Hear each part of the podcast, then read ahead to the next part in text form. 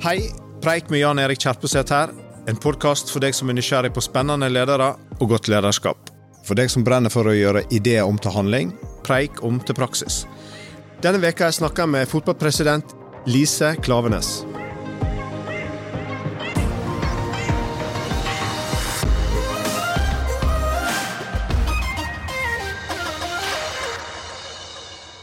Hjertelig velkommen til Preik.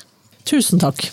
Torsdag 31. mars i fjor var du på vei opp på talerstolen under den 72. kongressen i det internasjonale fotballforbundet, Fifa.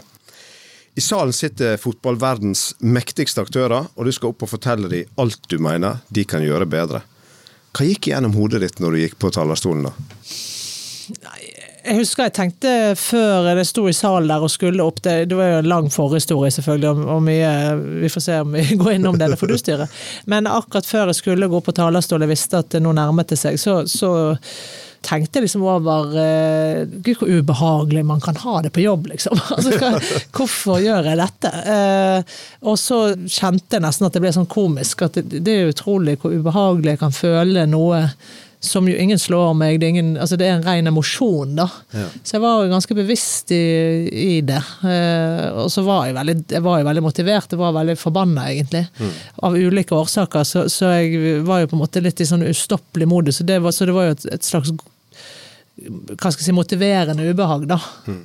Eh, men eh, det som gikk gjennom hodet mitt, var det at nå skal jeg gjennomføre dette koste hva det koste vil. Jeg, jeg, hadde ikke noen bevissthet rundt at verden utenfor var opptatt av dette, så det var jo mer enn nok motstand internt i salen der. Mm. Eh, det var det jeg fokuserte på.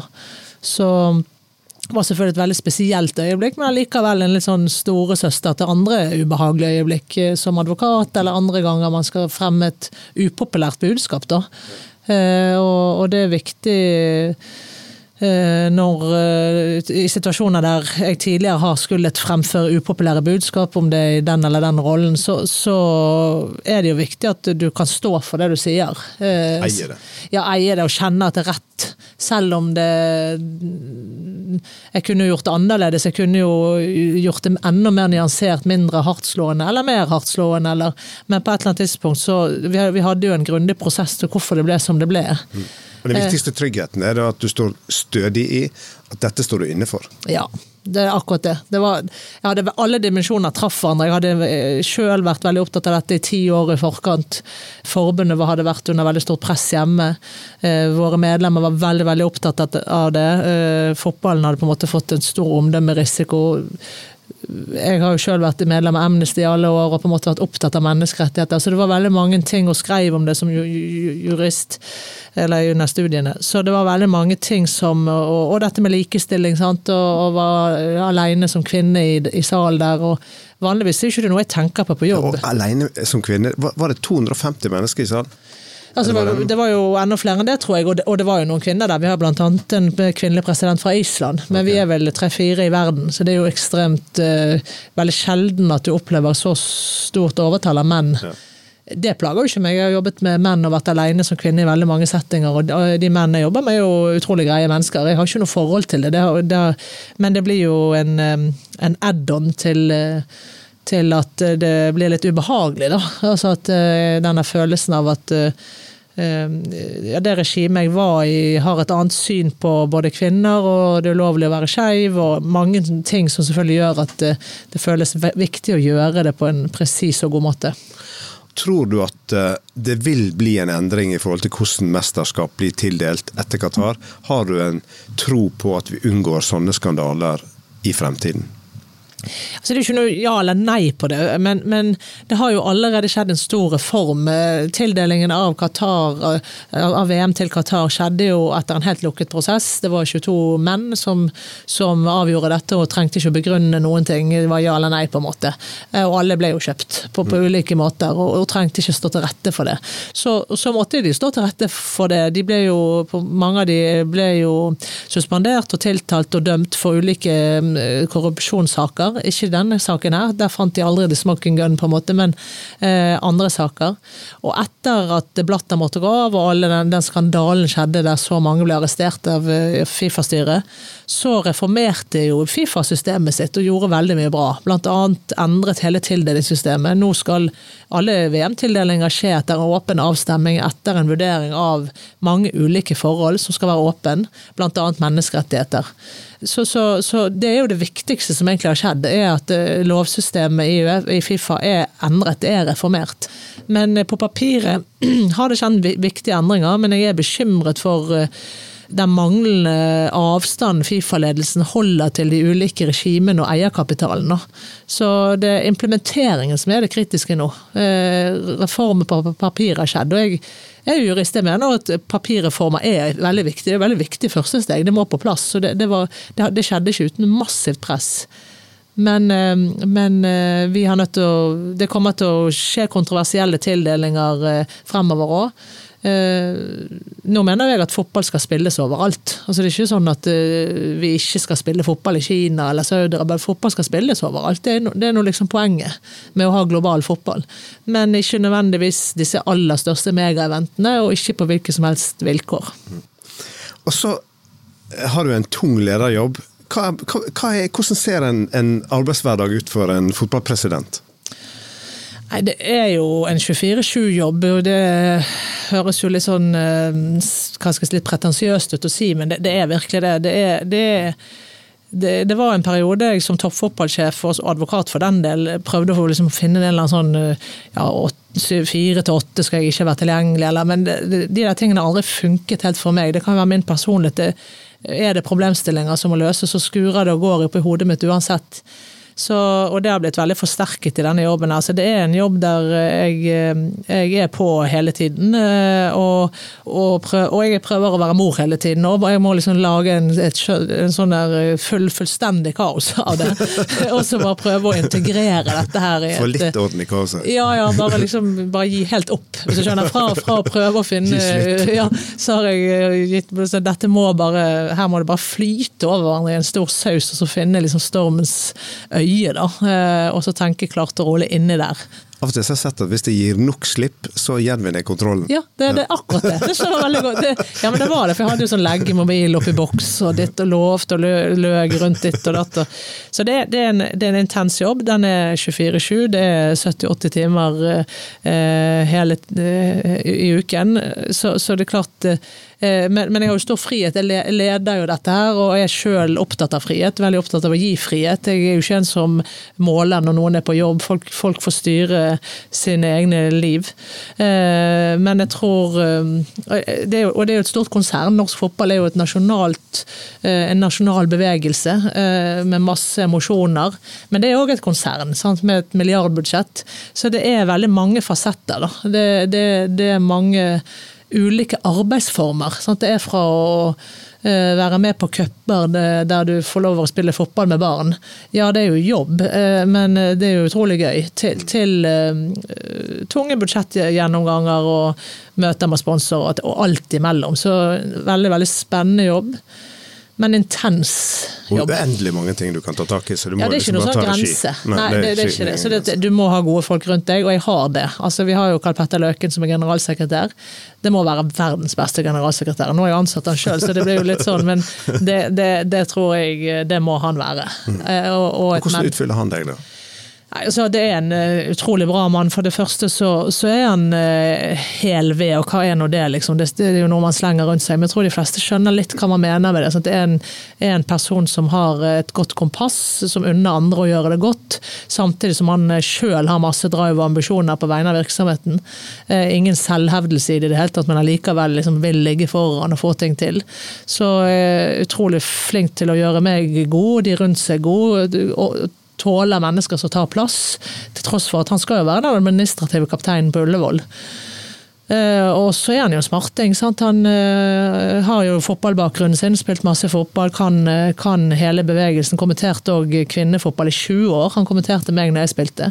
Og jobbet sammen i NRK som kommentatorer. Eh, så det ligger jo der som en puls i hans eh, generalsekretærgjerning. Men, men tok jo òg en tung realfagsutdannelse, har vært konsernsjef i Aker-konsernet. Så, at han er jo en matematiker og en, en som, som er god i alle delene av, av NFF sin virksomhet. Men det viktigste med han er vel at han er veldig tilgjengelig, veldig glad i folk. Opptatt av å lytte ut absolutt alle. Fra styret eh, til eh, intense bergensere, til så lederstyret, til, eh, til en frivillig i en Oslo Øst-klubb som ønsker å snakke med på kontoret. Han sier aldri nei. Så det er en, en virkelig stor og god leder da, som, som, jeg har gleden av å jobbe med.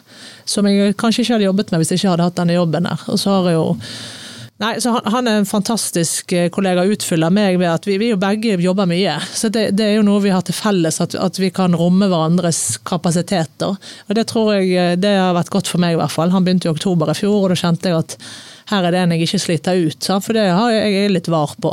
At det blir mye, jeg jobber veldig mye. Og jeg, jeg, jeg ønsker ikke å være sånn som stresser folk rundt meg, men jeg tror jeg kan være det likevel. For jeg, har, jeg, tenker på mye og ringer gjerne med en gang jeg kommer på det sant? og vil ha det fikset.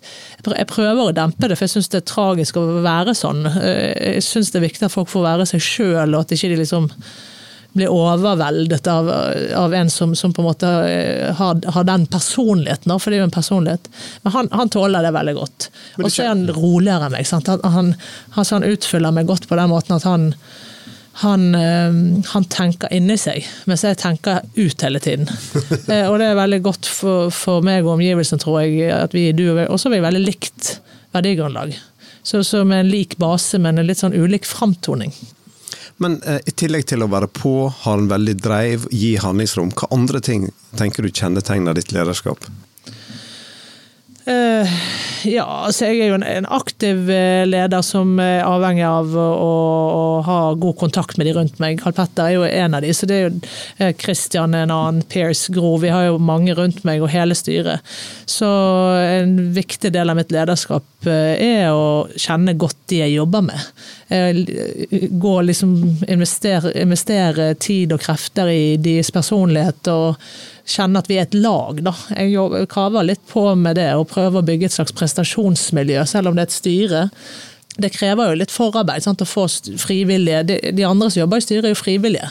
Har tunge jobber ved siden av sant, og vil inn og på en måte jobbe med regnskap og få, få dekke det ansvaret de har. Så, så vil jo gjerne jeg ha litt workshoper og styre på med, med vår identitet. Hvem skal vi være? Eh, så jeg er nok eh, en, en, krevende leder i den forstand at jeg vil at folk skal bruke mye tid på dette.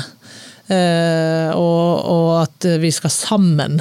Jeg ønsker å forankre veldig bredt. Jeg er jo veldig glad i å diskutere hele, hele pro, hele con, og så lande beslutning. Så, så, det er jo eh, ikke alltid du har helt tid til, sant? Jo, men jeg vil det likevel. Så jeg tror at jeg som leder er veldig opptatt av eh, lag, og så er det noen ganger jeg eh, kanskje forventer litt for mye eh, av laget. Da. Så, så en, en, krevende lagleder er jeg vel. Men det er nå i hvert fall en veldig viktig del av min identitet som både ansatt. Jeg, jeg liker veldig godt å jobbe for gode ledere sjøl. Jeg, jeg må ikke være øverste leder. Men, men den der opplevelsen av at vi tåler friksjon. Eh, så jeg er nok òg litt konfronterende. Altså, jeg er jo ikke redd for å konfrontere. Eh, og det har jeg merket at er, Man er jo bare den man er. Man tenker gjerne at andre tenker likt. Eller ingen, ingen liker jo konflikt, det gjør jo ikke jeg heller.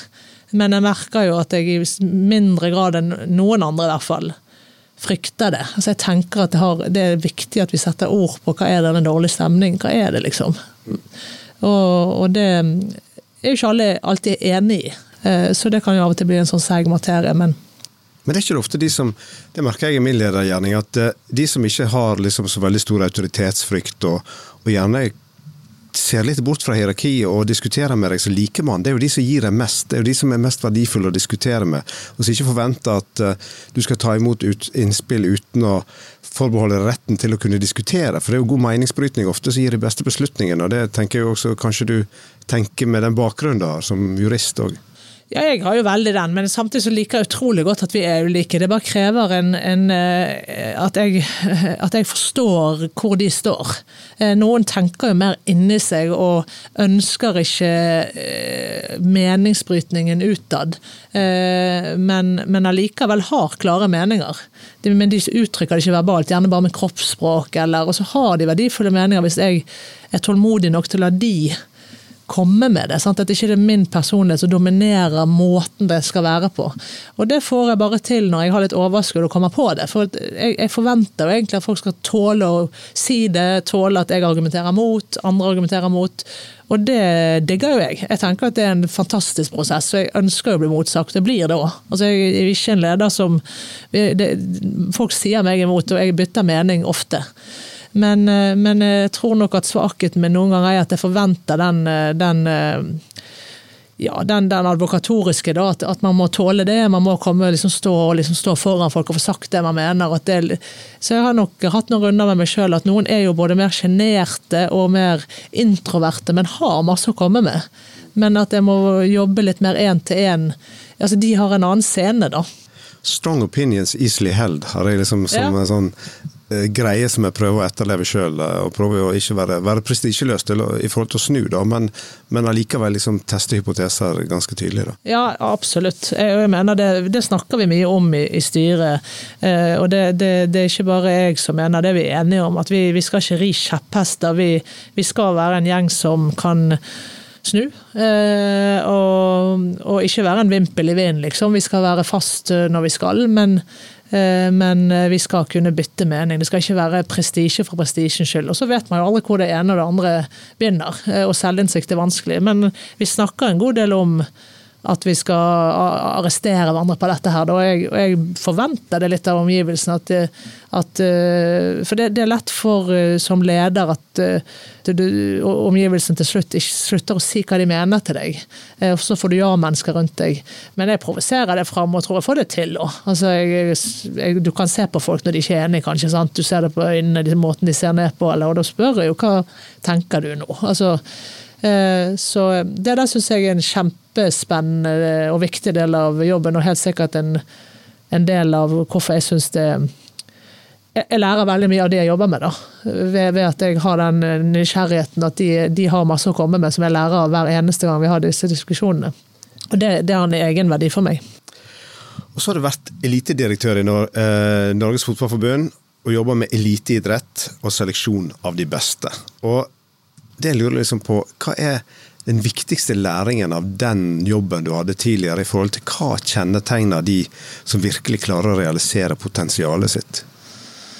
Ja, det er jo et, et, stort spørsmål. Man skulle jo tenke at eh, de miljøene som lykkes best eh, altså Enkeltmennesker så er det jo vanskelig, for det kan jo være sånn som Erling, sånn som har en vanvittig fysikk og en lavt stressnivå. altså Det kan være medfødte egenskaper. Men det kan ofte være mer interessant å se på miljøer. da, Og de miljøene som lykkes best, da skulle man jo kanskje tenke at det var steder der, der eh, kravene var veldig høye, og, og, konsekvensen for å gjøre feil var veldig tydelig. Og, men eh, min erfaring er at de beste miljøene er der det er rom for å gjøre feil, men der man selvfølgelig er opptatt av å lære av de. Mm. Men der, der, eh, der det er eh, en psykologisk trygghet, og en veldig stor psykologisk trygghet, men allikevel en kjempestor ambisjon. Og det er jo ofte vanskelig, for ofte hvis folk er veldig konkurransedrevne, så, så er det ikke så stor toleranse for sine egne eller andres feil. Eller motsatt. Hvis det er liksom veldig stor psykologisk trygghet, så er det kanskje ikke så farlig om vi vinner eller taper. Mm. Men uh, den kombinasjonen der, og der syns jeg humor For jeg var jo sjøl håpløs de første årene jeg spilte. sånn Kjefte på folk og kjefte på meg sjøl, og, og, og, og syntes det var helt forferdelig å tape og, og gjøre feil eh, sjøl. Altså, det, det, var så stor fall Jeg kan nesten ikke liksom huske hvorfor engang. Det var jo bare jeg har fortrengt det litt, for ikke, ikke en person jeg liker i det hele tatt. Samtidig så er det jo en veldig viktig del av meg. At jeg på en eller annen måte vil ha resultater. Det, er en, det står på egne bein. Det trenger ikke engang være et viktig resultat. Liksom, vi, må, det, vi, har sagt vi skal få det til, nå må vi få det til. Uh, og, og, jeg var ikke noe Jeg har mange søvnløse netter. Jeg, jeg, jeg var jo en helt annen utenforbane, så jeg drev og sa unnskyld hele tiden. Sant? Og hadde det vondt med det. Så, så når jeg sjøl kom i miljøer der det var psykologisk trygghet til å drible, miste ball, jeg var jo veldig øh, kreativ spiller, så ble jeg jo bedre med andre rundt meg sjøl, og, og ble etter hvert en leder sjøl. Jeg var jo absolutt ikke det. Jeg var jo ubarmhjertig med de rundt meg, og så var det unnskyld, og det blir bare forvirrende for folk. sant? Så det, det er i hvert fall min erfaring, at de aller, aller beste miljøene jobber Altså De har en veldig sterk lagfølelse, de er opptatt av å være sammen. Det er kult å være igjen i garderoben. Man driver ikke og liksom skynder seg til og fra. og Det kan være en arbeidsplass, men, men man, man både, tri ja, man både trives og hvis ikke man trives, så jobber man med å få, med å få det til. For dette, det må man jo. på en måte Man skjønner det. Punkt to at det er kultur for at folk, enkeltmennesker blir anerkjent. Ikke at man liksom da skal dra det ned og ja, alle må få ros, og at man tåler at noen løftes fram av og til. Som har gjort en god jobb med å få lov å bli sett for det. Ja, og at det er selvfølgelig noe som står på skuldrene til laget, men at du har den kulturen. Og så er det eh, nummer tre den selvfølgelig at det er et miljø der, som jobber mye, som ikke teller timer. Sånn er det bare. Mm. Så som, som, liker det, som er opptatt av resultatene. Og over alt dette at det ligger en sånn stor psykologisk trygghet. Da. At eh, vi er folk, vi gjør feil, det er ikke baksnakking. Eh, hvis det er det, så er det mer sånn bare sånn som du gjør i en biltur, det er greit. Men det blir aldri gift. Eh, friksjon er greit. Men sånne miljøer, sant, og uh, trenger jo liksom å utvikle seg, lære, kjøre læringslooper, finne ut hva, hva funka denne gangen, hva var det som gjorde at de ikke kvalifiserte oss her, hva gjør vi bedre neste gang. Uh, dette jobber vi med også i banken og helt sikkert andre organisasjoner. Skal du utvikle, utvikle, en organisasjon, så må vi jo lære hele tiden. Hvordan jobber en med læring i sånne system, og hva kan vi ta med oss inn i organisasjonslivet? Altså der er jo toppidretten og toppfotballen i hvert fall ganske systematisk sammenlignet med, med næringslivet. Fordi, fordi, sikkert fordi resultatene i idretten er så tydelige. Du taper, du taper liksom hver helg, eller så vinner du. Selv om det er konkurranse eh, for banker òg, så er jo den tross alt litt mer indirekte. Selv om man kan være ganske hard, så er det vanskelig å vite eh, om det var du eller en annen sin feil. Men på fotballbanen så, så bommer jo du på et stor sjanse, og så tapte man den kampen. Så, så det, det, gjør jo at eh, det er det er veldig mye systematikk rundt eh, tilbakemeldinger, eh, treningsdagbøker, analyseverktøy, sette seg ned med spill. Altså det er veldig mye av det. Men etter hvert så gjør jo alle disse tingene. Eh, så jeg opplever jo at forskjellen på de beste til nest beste er Altså Det må du selvfølgelig ha. Du må mm. ha dette, du må ha kultur for å se deg sjøl spille, det må være gode analytikere som finner gode bilder. Det må være skriftlighet rundt målene dine og erfaringene. Riktig. Ja. Men, men, de aller beste miljøene har jo noe mer enn det. Og det er det, det, det, jeg mener med den der både psykologisk trygghet og en kjempesterk motivasjon. Og Det kan jo en leder bidra til, om det er Pep Guardiola eller om det er en kultur i gruppen. For du må ha begge deler. Altså Det må være en kjempesterk psykologisk trygghet, samtidig som treneren eller laget har en kultur som er gal nok til at det òg er helt krise å gjøre feil. Altså Det er begge deler, på en måte. og og den, den, den ambivalens. Ja, det som alle gjør disse feilene. Hvis du skal ligge på grensen av det du kan, og, og ligge utenfor komfortsonen av og til, så gjør du selvfølgelig feil. Altså Utenfor komfortsonen er det ukomfortabelt. Og det å ha kjærlighet og omsorg for at da ser andre dumme ut når de gjør det men du vil at de skal gjøre det, for da, sånn at de ikke går inn i skallet og blir livredde for å gjøre det igjen. Samtidig som det er òg takhøyde for å bli forbanna for den ene feil. Det er vanskelig å forklare dette, men det, det, det, det, å tåle begge de fasettene der, det er det som skiller fra altså læringsloop og alt det. Selvfølgelig er det viktig, men, men det som går opp i en høyere enhet, er noe annet. Men mulig jeg bare prøver bortforklare at jeg aldri gadd å skrive treningsdagbok. Jeg var jo, orket jo ikke sånne ting. Jeg var ikke, det, det var ikke Jurist og jeg er opptatt av skriftlighet og alt sånt, men ikke rundt min egen. Det kjente jeg, det var aldri drivende for meg. Og liksom, jeg, trente en, eller, jeg trente så masse. Men, men det vet jeg at det er viktig for andre, så det skal ikke jeg uh, stå for. Men det har gjort at jeg har en litt sånn åpenhet for at uh, noen uh, finner energi å være litt fri òg. Kunne variere treningen sin og bestemme litt sjøl og være litt fri, og det, sånn var jeg.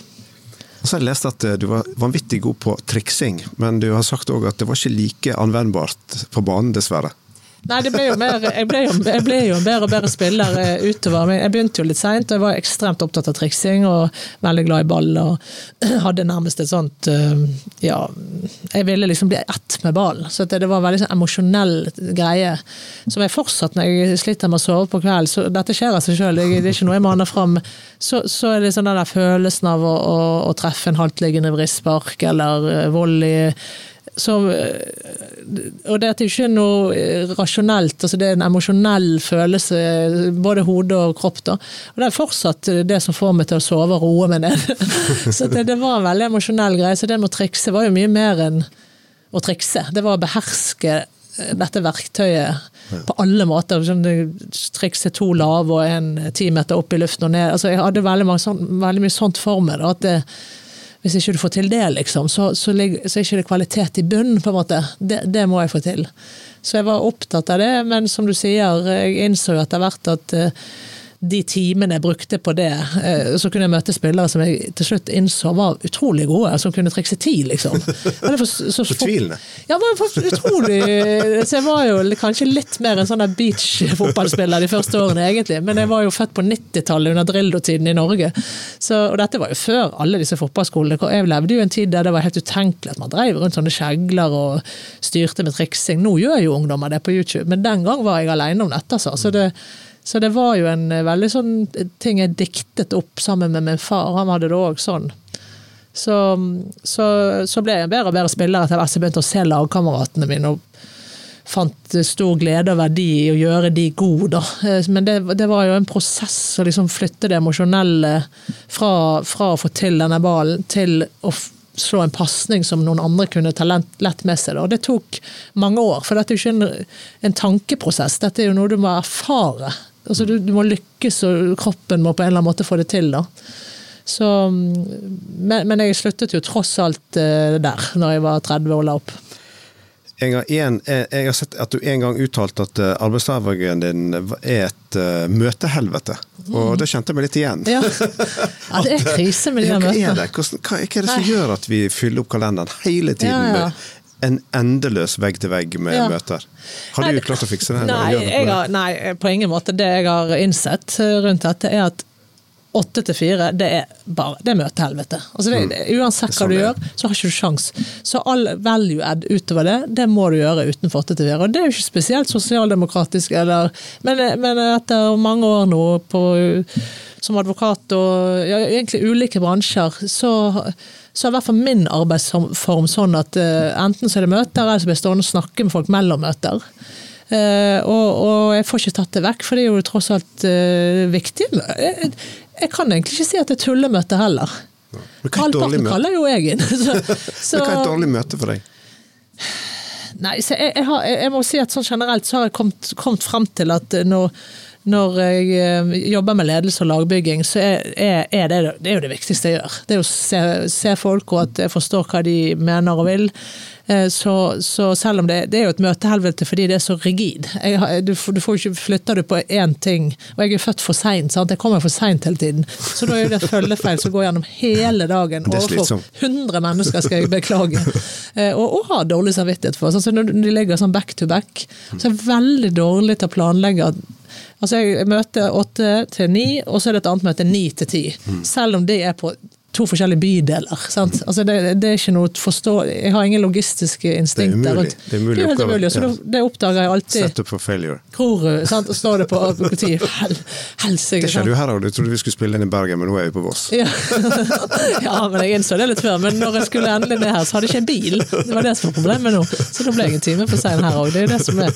Men det har jeg òg eh, egentlig Jeg sa vel beklager, men jeg har egentlig sluttet å beklage. for jeg, sånn er det. Altså, jeg orker ikke det, det, 42 år har jeg prøvd å bli bedre på det, og det, læringskurven er sånn Passe. Ja, det, det, går. Jeg kommer meg til Nei, så jeg har ikke funnet noe annet. Jeg har rett og slett innsett at uh, det, ble, det, er et møtehelvete. Og så, så, må det være andre tider der uh, de strategiske tankene Og selvfølgelig, jeg prøver å for ha møtefri mandag. Ligger i kalenderen min. Det står møtefri mandag hver eneste mandag. Men det er ikke én mandag der det er omtrent et eneste minutt.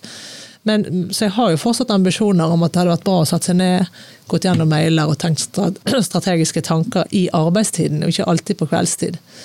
Men uh, jeg kan ikke si at uh, ikke lukt Tulise på den, liksom. Jeg, jeg, må få råd, mer enn å gi Ingen rollemodell der, altså. Nei. Når jeg forberedte meg til denne podkasten, så uh, ja, hørte jeg på og leste mye forskjellig. Jeg ramla innom fødselspodden, til og med. ja, det er helt sykt. Det er du som har hørt på den. Liksom. Og, Den uh, fikk du stor glede av. ja, jeg. uh, havna der Jeg en time, det- ja. time på Aldri hørt så mye om fødsler, du. Selv om du har tre barn sjøl. Men du har tre òg, og det jeg noterte meg der, er at du, du er jo ganske optimistisk. Du, er, du, du krummer bare nakken og går på, og du tar jo ikke problemene på forskudd. Så du var jo ganske optimistisk inn i den første fødselen. Siden du var toppidrettsutøver, så skulle jo dette gå helt fint. Ja, altså jeg eh, Det høres jo så banalt ut når du sier det sånn. Jeg, jeg, jeg var jo innstilt på at det ble vanskelig og sånn, men jeg, ikke, jeg brukte ikke tid på å lese meg opp på eller gjøre øvelser eller på, en, på noen måte. Jeg, tenk, hadde et resonnement om at eh, når alle har gjort dette til alle tider, og dette klarer alle, selv de i gymtimen, som liksom, alle de jentene som hadde vondt et eller annet sted og ikke ville være med og løpe rundt eh, Fosse, liksom.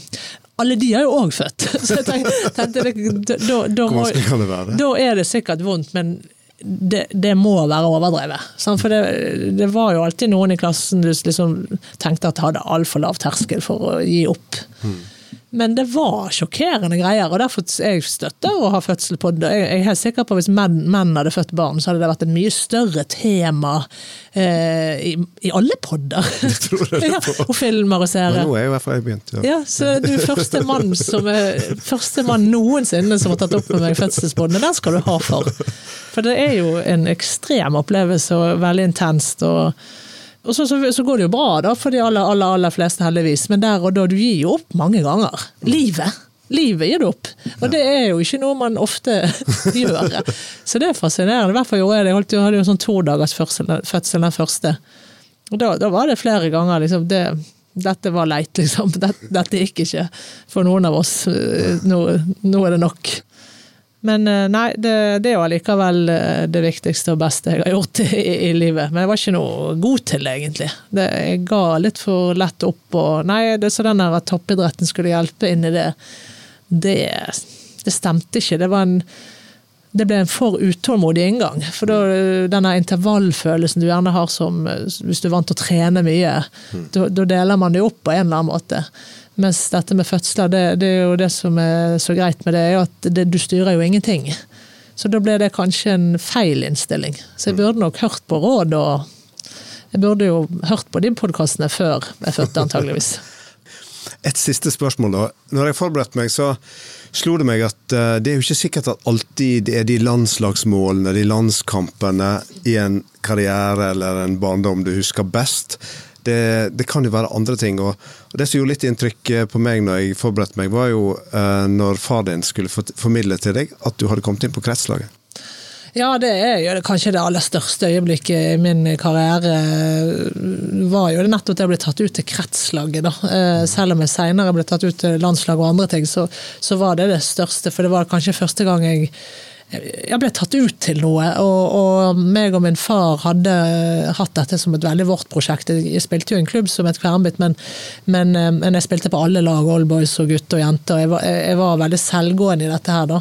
Jeg, og vi kjente ingen i kretslagssystemet. Pappa var jo ikke en som drev og ringte noe sted. Han, eh, så vi, vi visste ikke om Det var bare sånne coachjakker som gikk rundt. Så En dag så satt jeg på skolen med ballen under beina, og så så jeg den Mitchubitchien til pappa komme. Vi hadde stor bil, vi hadde jo St. Bernhardshund, 95 kilos hund. eh, og kom ned liksom i 100 altså Han bare svingte inn på parkeringsplassen. Hvis vi hadde klasserom. Ja, og det gjør jo ikke. Dette er et lite sted, sant? og det er masse barn. Så jeg, jeg ble oppriktig redd for at her eh, Nå har farmor dødd, nå har det skjedd noe. Cæsar død. Det var jo det verste. At hun døde, selvfølgelig. Og så kom jeg liksom løpende og banket på. Og, I klasserommet. til klasserommet og spurte om jeg kunne komme ut, og tårer overalt. Og jeg var liksom i full beredskap på eh, nå slutter barndommen, nå er noen dødd, liksom. Men da dro han fram dette kretslagsbrevet, da, og du er tatt mail. ut! Det var før mail. uh, og ja, det var så stort, og så eh, ventet han til jeg var ferdig, og vi kjøpte boller og du og yoghurt. og Feiret skikkelig. ja, et sånt stort øyeblikk at dette på en eller annen måte hadde eh, ja, blitt noe større enn oss sjøl. Og så var det jo bare kretslag, så ble det jo masse problemer med nye uttak og sånn, men det absolutt største øyeblikket. Tusen takk for at du ville være med Preik, fotballpresident Lise Klavenes. Tusen takk for at jeg fikk komme.